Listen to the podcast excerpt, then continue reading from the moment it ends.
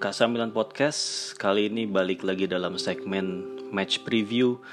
Ya, saya ingat gue baru kali ini dalam musim 2020-2021 gue bikin match preview ya. Um, dan yang akan gue bikin adalah match preview Milan lawan Lazio. Kenapa harus gue bikin? Gue ngerasa perlu bikin gitu ya preview ini karena yang pertama ya ada ada seorang teman yang minta gue untuk bikin preview oke. Okay. jadinya mungkin ya gue buat aja lah gitu for courtesy gitu ya. Terus uh, kemudian gue juga ngelihat ya ada poinnya juga sih bikin preview karena um, match yang akan dijalani Milan ini nanti malam ya nanti dini hari gitu ya. Uh, itu akan sedikit berbeda dari yang udah dijalanin sebelumnya gitu. Yaitu uh, Milan benar-benar menghadapi Lazio dengan bisa dibilang dengan line up yang sangat jauh dari ideal. Yang mana sebenarnya kejadian ini ya, maksudnya line up yang jauh dari ideal itu emang udah sering dijalanin Milan musim ini gitu. Jadi rasanya jarang banget Milan itu main dengan kekuatan uh, full team gitu ya tanpa ada pemain yang cedera atau berhalangan atau ya kayak kena suspension gitu. Jadi bener-bener full team gitu. Kayak full team tuh yang kayak gimana sih? Yang kipernya tuh Gigio Donnarumma terus backnya tuh Calabria Simon Kjær uh, Alessio Romagnoli Theo Hernandez double pivotnya Casey dan Benacer uh, tiga gelandang serangnya Selemakers um, Calhanoglu dan Rebic dan penyerangnya adalah uh, Zlatan gitu. Atau kalau nggak saya uh, gelandang kirinya kalau nggak Rebic ya Leao gitu. Full tim kayak gitu. Saya ingat gue um, jarang banget ya. Gue mungkin bisa dihitung pakai jari yang dengan squad ini gitu ya. Mungkin sekali dua kali tiga kali gitu ya. Gue gue juga agak-agak lupa gitu ya. Dan sisanya Milan itu ngejalanin misalnya tanpa Ibra. Ibra itu sempat kena covid. Terus Ibra itu uh, kemudian cedera. Kemarin itu sejak lawan Napoli cedera. Ya sampai cederanya bahkan sampai akhir tahun ini baru dia bisa main gitu. Terus um, Benacer juga cedera. Kemarin sempat kayak dipaksain main lawan Celtic ya kalau nggak salah lawan Celtic ya. Atau sebelum lawan Celtic gue lupa. Tapi habis itu dia cedera lagi. Terus Frank Kessie kena suspense. Terus Simon Kjær juga cedera ketika ngelawan uh, Sampdoria ya kalau nggak salah lawan Sampdoria Simon Kjær itu cedera. Ya terus habis itu bahkan Matteo Gabbia pelapisnya Simon Kjær juga cedera ketika lawan Fiorentina gitu ya. Terus Ante Rebic juga kemarin waktu lawan Sassuolo dia nggak main cedera.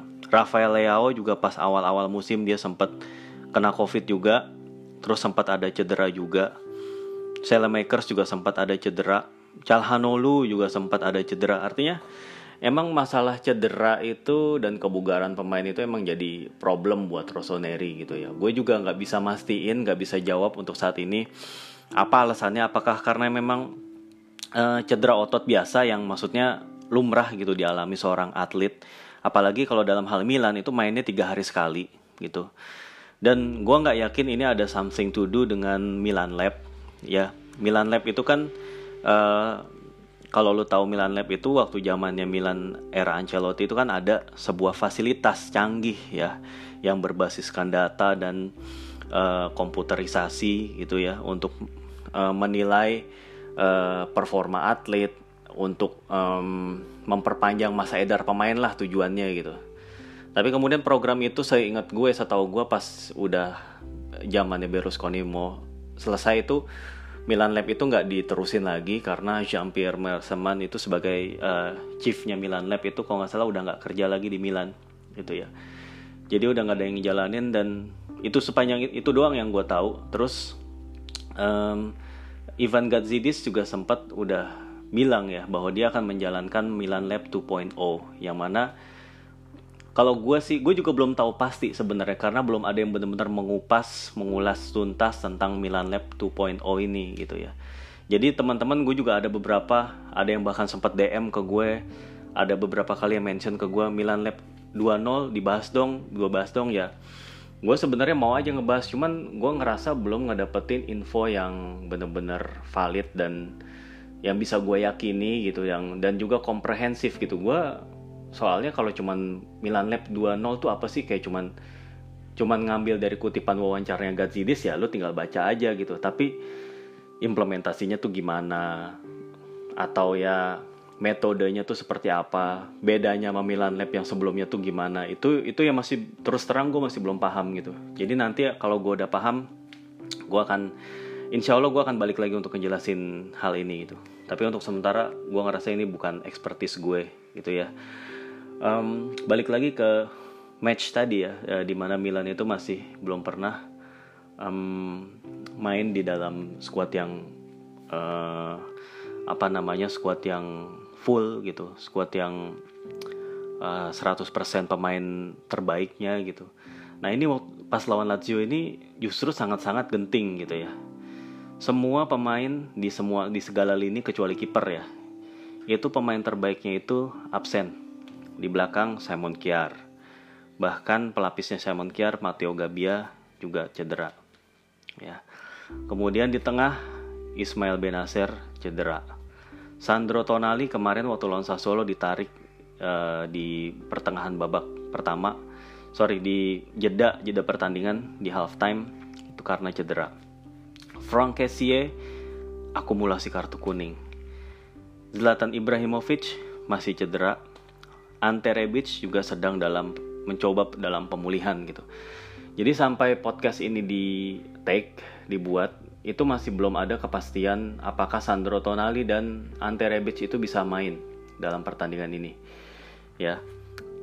Dan kalau tidak, kalau tidak berarti emang Mr. Pioli harus mencoba hal baru, harus mencoba boleh jadi skema baru, boleh jadi uh, setup pemain yang baru. Ya. Bisa jadi itu ad adalah menempatkan pemain yang nggak pada posisi naturalnya, tapi skemanya tetap sama. Atau sekalian ngubah skema tapi tetap menempatkan pemain-pemain itu pada posisi terbaiknya. Walaupun itu agak sulit ya untuk diwujudkan gitu ya. Karena availability-nya memang nggak memenuhi gitu. Jadi menurut gue line up-nya adalah uh, seperti yang udah diberitain media itu ada dua alternatif sih walaupun menurut gue Pioli itu udah punya lebih dari 3-4 alternatif ya kalau di back gue rasa akan sama yang diturunin. Uh, Calabria, Kalulu, Romagnoli dan Theo. Di tengahnya, nah Calhanoglu itu akan digeser ke posisi yang lebih deep. Ya, berduet sebagai double pivot dengan si Rade Krunic. Ya. Lalu kemudian tiga gelandang serangnya akan diisi, diisi oleh Jean Peter Jean, Jens Peter Hauge, lalu kemudian uh, Brahim Diaz dan Alexis Selemakers dan penyerangnya adalah uh, Rafael Leao. Tapi kita nggak tahu kalau misalnya Tonali dan Rebic itu bisa pulih atau one of them itu katanya kalau mereka pulih mereka akan dapat posisi starter. Jadi kalau misalnya Rebic itu pulih, Rebic kemungkinan akan menjadi striker, Leao di sayap kiri atau sebaliknya lah Rebic di sayap kiri, Leao striker. Atau kalau Tonali Tonali yang pulih, ya Tonali yang main mendampingi si Krunic dan uh, kalau kayak gitu berarti Hakan balik lagi ke posisi idealnya dia sebagai gelandang serang bersama Makers dan salah satu dari um, Hauge ataupun Leo atau Rob, atau Rebic atau bahkan Brahim Diaz gitu. Jadi emang banyak sih sebenarnya banyak alternatif tapi yang perlu dipertimbangkan kenapa jadi kalau kita memilih cuma milih oh ya udah pasang pasang si uh, Calhanoglu udah gitu atau ada juga wacana pasang si Calabria. Jadi Calabria kan di, di beberapa pertandingan preseason itu pernah gue lihat dia dimainin sebagai gelandang, sebagai double pivot. Ya back kanannya bisa diisi oleh Conti ataupun Kalulu di situ. Sementara back tengahnya bisa aja diisi oleh salah satu dari uh, Leo Duarte ataupun Matteo Musacchio. Ya, tapi gue rasa perubahan yang terlalu banyak itu akan sangat berisiko dan dalam pertandingan seberat ini menghadapi tim sebagus Lazio itu eksperimen-eksperimen itu kayaknya agak-agak dikurangi gitu ya karena ya dengan full tim dengan tim terbaik aja ya itu melawan Lazio itu tetap berat apalagi ini nggak full tim gitu ya apalagi dan udah nggak full tim wah itu uh, coba-cobanya itu maksud maksudnya sangat-sangat tinggi gitu faktor coba-cobanya. Jadi ya menurut gue kalau kayak gitu nggak efektif. Nah um, balik lagi. Gue lebih prefer emang ya dalam hal ini misalnya pakai skema yang sama gitu ya. Pasang Calhanoglu sebagai pendamping dari Rade Krunic kenapa alasannya? Itu adalah bisa jadi Calhanoglu itu uh, atribut bekerja kerasnya udah bagus dia rajin dia pemain yang rajin pemain yang coveragenya juga uh, luas dia um, stamina nya bagus gitu ya dan dia punya visi ya jadi kalau Milan itu long ballnya itu agak macet kemarin-kemarin karena Calhanoglu ada di terlalu ke de depan. Nah dengan Calhanoglu yang berdi berdiri di posisi sebagai pivot, nah dia jadi punya space tuh lebih untuk mengirimkan long pass. Cuman memang masalahnya kalau misalnya Calhanoglu ngasih long pass, agak sulit mengharapkan uh, pemain Milan itu memenangkan first ball ataupun duel karena nggak ada Ibra di situ. Rebic susah untuk memenangkan duel udara begitu pula dengan Leo itu bukan expertise mereka. Jadi tetap ya umpan-umpan lambung itu atau umpan long pass itu bisa tetap dipakai tapi ya dalam sikon-sikon tertentu ya. Kalau misalnya um, apa namanya dalam situasi counter attack itu bisa dilakukan. Tapi kalau build up normal gue rasa juga nggak bisa pakai um, apa namanya long pass. Nah, yang kemudian yang kedua yang perlu dilakukan adalah karena Milan ini udah kalah kualitas dari sisi komposisi pemain ya. Lu bayangin uh, Calhanoglu, Krunic dan juga Brahim Diaz itu tiga orang ini berhadapan dengan um, siapa? Uh, Sergej Milinkovic Savic, Luis Alberto dan juga kemudian Danilo Cataldi. Karena kemungkinan uh, si siapa Lukas Leiva dan juga si Marco Parolo yang biasa main di sebagai gelandang itu katanya absen. Kalau tadi pagi gue baca wawancaranya Simone Inzaghi katanya gitu. Jadi Lazio juga sebenarnya nggak full tim juga lawan Milan gitu karena ada uh, di, dikabarkan pemain kayak Lukas Leiva, Marco Parolo tadi terus uh, Joaquin Korea juga masih indap, masih uh, meragukan. Senat Lulic absen terus si siapa lagi namanya ada wingback kirinya gue lupa selain Senat Lulic. Francesco Acerbi juga. Jadinya Lazio juga nggak dalam kekuatan penuh tapi pemain-pemain kayak Immobile, Luis Alberto dan juga SMS lalu kemudian Manuel Lazzari, Adam Marusic itu masih main. Dan di back mereka juga masih punya Stefan Radu, mereka masih punya Luis Felipe, dan mereka masih punya pemain-pemain ya pemain-pemain lain lah. Siapa pun Wesley Hood lah masih bisa dipasang di situ. Jadi menurut gue um, kehilangan dari uh, ketidak maksud bukan kehilangan ya ketidaklengkapan line upnya Lazio itu nggak sebanding dengan yang dialami Milan menurut gue. Gitu. Ini bukannya gue mau nyari alibi atau gimana. Ini based on fact aja. Gitu. Jadi menurut gue karena Milan itu lini tengahnya itu kalah kualitas, menurut gue harus menang jumlah. Ya dalam hal ini gue rasa Makers akan lebih banyak ditarik ke tengah di sini. Ya, jadi kalau misalnya atau Brahim Diaz lah, jadi Brahim, Hakan dan juga Krunic itu akan bermain rapat. Ya begitu juga Makers. Dan karena di antara empat pemain ini itu nggak ada yang benar-benar fisikal gitu ya, nggak ada yang benar-benar pemain yang kokoh gitu. Pemain yang badannya gede yang stamina nya bagus yang badak lah gitu. Jadi menurut gue emang harus ada perbedaan approach di situ. Jadi harus ada apa ya Pioli itu harus menciptakan situasi overload menurut gue itu sebagai satu-satunya jalan artinya memperbanyak jumlah pemain yang ada di situ supaya uh, bisa menandingi lah pemain-pemain Lazio yang unggul secara kualitas. Menurut gue nggak ada pilihan lain selain itu. Jadi approach bermain itu juga menurut gue perlu diubah juga. Mungkin ada bagusnya meniru approach ketika ngelawan Sassuolo. Jadi Milan lawan Sassuolo itu nggak nggak pakai long ball nggak pakai apa namanya nggak uh, pakai yang kebanyakan gocek-gocek atau slow. Pokoknya Milan waktu lawan Sassuolo tuh efektif serangan balik efektif dan cepet gitu. Yang langsung kemudian uh, menusuk ke tengah bagi, uh, bagian tengah lini pertahanan Sassuolo waktu itu. Ya ataupun melalui Theo Hernandez dari sayap yang sekali-sekali overlap gitu. Gua rasa cara ini juga akan dipakai. Jadi Theo Hernandez ini perlu untuk main lebih agresif lagi karena um, Milan itu dari sisi agresivitas akan sangat berkurang di pertandingan ini. Di sayap kanan gue rasa Selemakers akan lebih banyak ngebantu ngesupport either itu ngesupport Calabria atau ngesupport di tengah. Jadi serangan di sisi kanan Milan itu kemungkinan akan nggak menggigit ya di pertandingan nanti. Justru di kiri yang akan diberatin. Jadi masih ada Theo di situ, masih ada Hoge kalau Hoge dimainin ataupun si siapa namanya si Rebic lah atau Leao yang di situ. Jadi Milan masih punya beberapa pemain yang bisa diandelin yang bisa main di sayap kiri. Dan di situlah Milan akan banyak menyerang. Jadi ada bagusnya juga. Jadi si Manuel Lazzari nggak akan seperti yang tadi gue bilang leluasa untuk mengirimkan umpan-umpan silang kepada Immobile maupun Sergej Milinkovic Savic gitu ya. Dan ya itu tugasnya Theo itu berat banget nanti.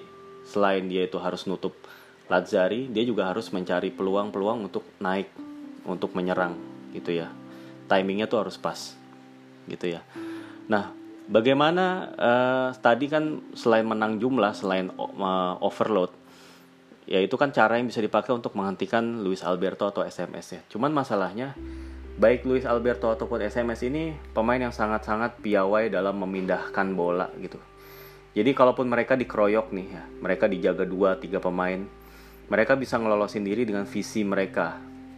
Nah, di situlah kemudian pemain-pemain seperti Kalulu, Calabria, ya, baik atau bahkan sampai Romagnoli itu harus bersiaga untuk memenangkan second ball. Jadi kalau Alberto ataupun SMS itu, lolos dari penjagaan, mereka tuh tiga itu harus siap nge-backup. Gitu, harus mempersempit wilayah. Tapi bahaya juga jangan terlalu menurut gue jangan juga Milan memasang defensive line yang terlalu tinggi. Karena uh, Ciro Immobile itu adalah penyerang sangat licin ya. Dia tuh pakai cara apa aja bisa gol. Dia bisa manfaatin umpan terobosan, dia bisa manfaatin um, umpan silang, dia bisa nyiptain peluangnya sendiri. Itu Ciro Immobile itu sangat bahaya dan kemungkinan Immobile itu akan bergerak ke arahnya Kalulu kalau menurut gue. Dia biasa bergerak emang dari kiri ke tengah dan kebetulan emang posisi Kalulu yang ada di situ dan dia akan di backup sama Calabria pastinya jadinya. Itu tapi di situlah dari sisi itulah Luis Alberto tuh suka masuk. Dia akan nge-support di kiri. Nah, di sinilah peran Selemakers menurut gue. Jangan sampai dia tuh ngelolosin si Alberto. Gue kalau ngarepin si Calhanoglu ataupun Krunic itu marking itu agak-agak sulit ya. Tapi kalau Selemakers gue rasa bisa dengan dia kan yang pemain yang sangat rajin pemain yang sangat ngotot bersemangat determinasi tinggi gue rasa dia bisa loh untuk uh, ngecover lah. Paling nggak nggak usah yang begitu mematikan Luis Alberto nggak tapi ngecover aja gitu. Lalu untuk SMS nih biasanya kan SMS itu akan ditempel oleh Cassie ya. Cuman kita kan nggak ada Cassie di sini. Mau nggak mau menurut gue si Krunic harus bisa memeran, memerankan peran ini yang berat ini gitu. Mungkin nggak perlu ngejaga secara man to man karena sulit untuk ngejaga si Savic Milinkovic Savic itu secara man to man akan kalah duel ya menurut gue emang harus di yang harus dilakukan adalah memutus bola yang datang ke dia. Entah itu umpan-umpan silang dari umpan-umpan silang ataupun dari umpan-umpan robosan ya macam-macam lah. Menurut gue inilah yang sangat krusial untuk benar-benar di uh, diterap diterapin gitu. Jadi lini belakang tengah ke belakang itu harus bermain rapi tanpa ada kesalahan individual gitu ya. Dan lini depan juga efektif baru Milan tuh punya peluang untuk menang. Yang mana kalau di sini gue kalau dari motivasi gue nggak meragukan anak asuhan Pioli. Itu secara mentality mereka udah punya approach yang benar. Mereka sering main jelek tapi kemudian bisa dapat poin entah itu lewat seri ataupun menang. Mereka nggak ada ibrah siapa pun bisa ngegolin. Ketika penyerang-penyerang buntu Theo Hernandez bisa bikin gol. Bahkan Pierre Kalulu bisa bikin gol artinya Milan sebetulnya nggak ada isu dalam mencetak gol menurut gue cuman emang yang menurut gue perlu diterapkan atau perlu ditanamkan ke pemain adalah cetak gol cepet. Seperti halnya lawan Sassuolo. Cetak satu gol dua gol di babak pertama baru kemudian main uh, apa mendikte permainan gitu. Tapi ya walaupun ini juga belum tentu bisa dilakukan karena Lazio itu pasti bisa ngepres seperti hanya Sassuolo Sassuolo itu kemarin bisa ngepres Milan dan memegang inisiatif permainan. Tapi karena pemain-pemain Sassuolo itu pada rata-rata pendek-pendek dan gak ada target man dan Milan Pioli dengan cerdik uh, menggiring pemain-pemainnya tuh untuk bermain rap, lebih rapat. Ya jadi ngebiarin sisi uh, sayapnya tuh lebih uh, lebih lowong penjagaannya. Ngebiarin pemain-pemain Sassuolo itu ngirim umpan silang tapi udah diantisipasi oleh pemain-pemain Milan yang udah banyak numpuk di tengah nih. Nah ini bisa jadi cara seperti ini juga akan dilakukan walaupun sangat berisiko. Karena umpan-umpan uh, silang yang dilepasin pemain-pemain Lazio ini bukan umpan silang mendatar tapi umpan silang yang lambung. Untuk mencari kepala nyari kepalanya si Immobile ataupun si SMS dua orang inilah nih. Jadi menurut gue di samping uh, ngejaga zonal ya pemain-pemain belakang Milan itu juga harus mencegah supaya si Manuel Lazzari ataupun Adam Marusic nggak gampang untuk ngirimkan umpan-umpan silang atau dalam hal set piece kita tahu Luis Alberto juga seorang set piece taker yang sangat bagus ya inilah yang juga harus diwaspadain benar-benar pertahanan Milan lewat set piece ini sejauh ini kurang oke. Okay. Tapi di pertandingan ini nggak ada, there is no room for error. Jadi harus bener-bener fokus, harus bener-bener disiplin. Baru deh Milan ada peluang untuk menang menurut gue. Tapi di pertandingan ini pun kalau misalnya emang hasilnya imbang gitu, menurut gue juga nggak bukan hal yang perlu disesali banget gitu. Walaupun peluang menang bukannya nggak ada sama sekali ada. Seperti yang tadi gue bilang, kalau main efektif, main disiplin, uh, fokus dari awal, efektif, smart gitu mainnya, itu bisa menang. Dan jangan lupa Lazio juga tanpa Acerbi, si komandan di belakang. Jadi back trio backnya Lazio itu si Wesley Hood, terus si Stefan Radu dan juga si um, siapa namanya Luis Felipe. Ya menurut gue bukan lini belakang yang terbaik di Eropa lah. Jadi artinya ini bisa lah gitu ditembus oleh uh, barisan penyerang Milan, bukan gak mungkin. Apalagi mereka juga tanpa DM murni sebenarnya. Lukas Leiva cedera, Marco Parolo juga. Ya Danilo Cataldi bisa sih. Tapi Cataldi menurut gue tipikal pemain yang lebih lebih sebagai pengumpan atau playmaker gitu ya. Ya legayanya seperti itu, nggak yang bukan yang seorang breaker ya. Jadi artinya sebenarnya Milan dan Lazio sama-sama nggak punya DM murni dalam pertandingan ini dan inilah yang bakal jadi menarik. lini pertahanan yang kemungkinan bocor ya tapi ya bedanya Lazio uh, lini depannya lengkap kalau Milan lini depannya nggak ada Ibra dan bisa jadi nggak ada Rebic kita nggak tahu ya itulah menurut gue tapi di tengah segala keterbatasan selama ini Milan masih bisa untuk menghandle situasi ini menghandle pressure ya apalagi Juve juga baru kalah dari Fiorentina menurut gue ini juga harusnya jadi motivasi lebih dan sayangnya juga Milan itu harus lebih dulu menyaksikan Inter main. Jadi Milan itu mainnya nanti jam 2.45 dini hari, Inter itu jam setengah satu atau jam 12 dini hari. Artinya bisa jadi Inter itu akan muncul sebagai Kapolista duluan nih sebelum Milan bertanding. Karena Inter itu lawan Verona ya kita nggak tahu Inter lawan Verona bisa menang atau enggak sih ya mudah-mudahan aja seri gitu. Tapi ya Inter lagi bagus-bagusnya mereka dalam 6 kemenangan beruntun. Ya Romelu, Romelu Lukaku juga sangat bagus ya dia selalu bikin gol. Mereka punya semua pemain lah Inter tuh punya semua pemainnya bisa bikin gol dan ini tim sangat bahaya menurut gue. Dan jangan pernah meride off Inter dalam pertandingan lawan siapa pun di musim ini even lawan Verona ya tim yang juga lagi menanjak lagi cukup bagus lah performanya itu cuman ya Verona bagusnya punya pertahanan yang kuat ya kebobolan jumlahnya paling sedikit jadi mungkin ya kita harapkan aja kiper Marco Silvestri tampil bagus, back-backnya juga disiplin gitu ya. Matteo Lovato, Matteo Lovato ya, siapa tahu kalau misalnya dia mau join Milan, dia lakukan tugas dulu lah untuk menghentikan Inter. Ya gitulah menurut gue. Tapi ya nggak perlu juga sebetulnya meng, apa memperhatikan terlalu detail tentang pertandingan dari tim lain. Yang penting adalah bagaimana tim sendiri bermain. Dan inilah yang terus harus approach yang harus terus dilakukan oleh uh, Stefano Pioli berikan motivasi kepada anak-anak asuhannya dan supaya mentalitas mental juara, mental menang lah bukan mental juara ya, belum juara soalnya.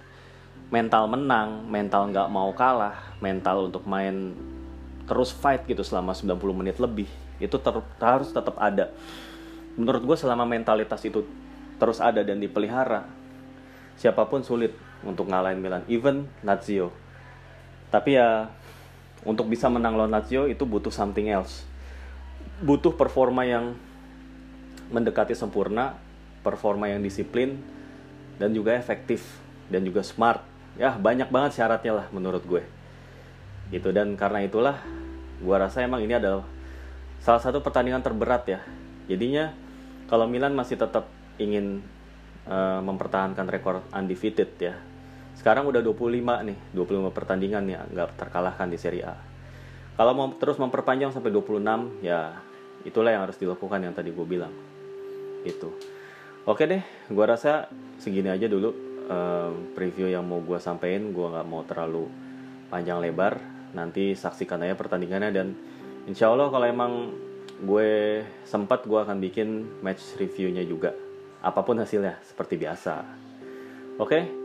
um, kurang lebihnya mohon maaf ya terima kasih udah dengerin Kasa Podcast dan sampai jumpa lagi dalam episode-episode mendatang ciao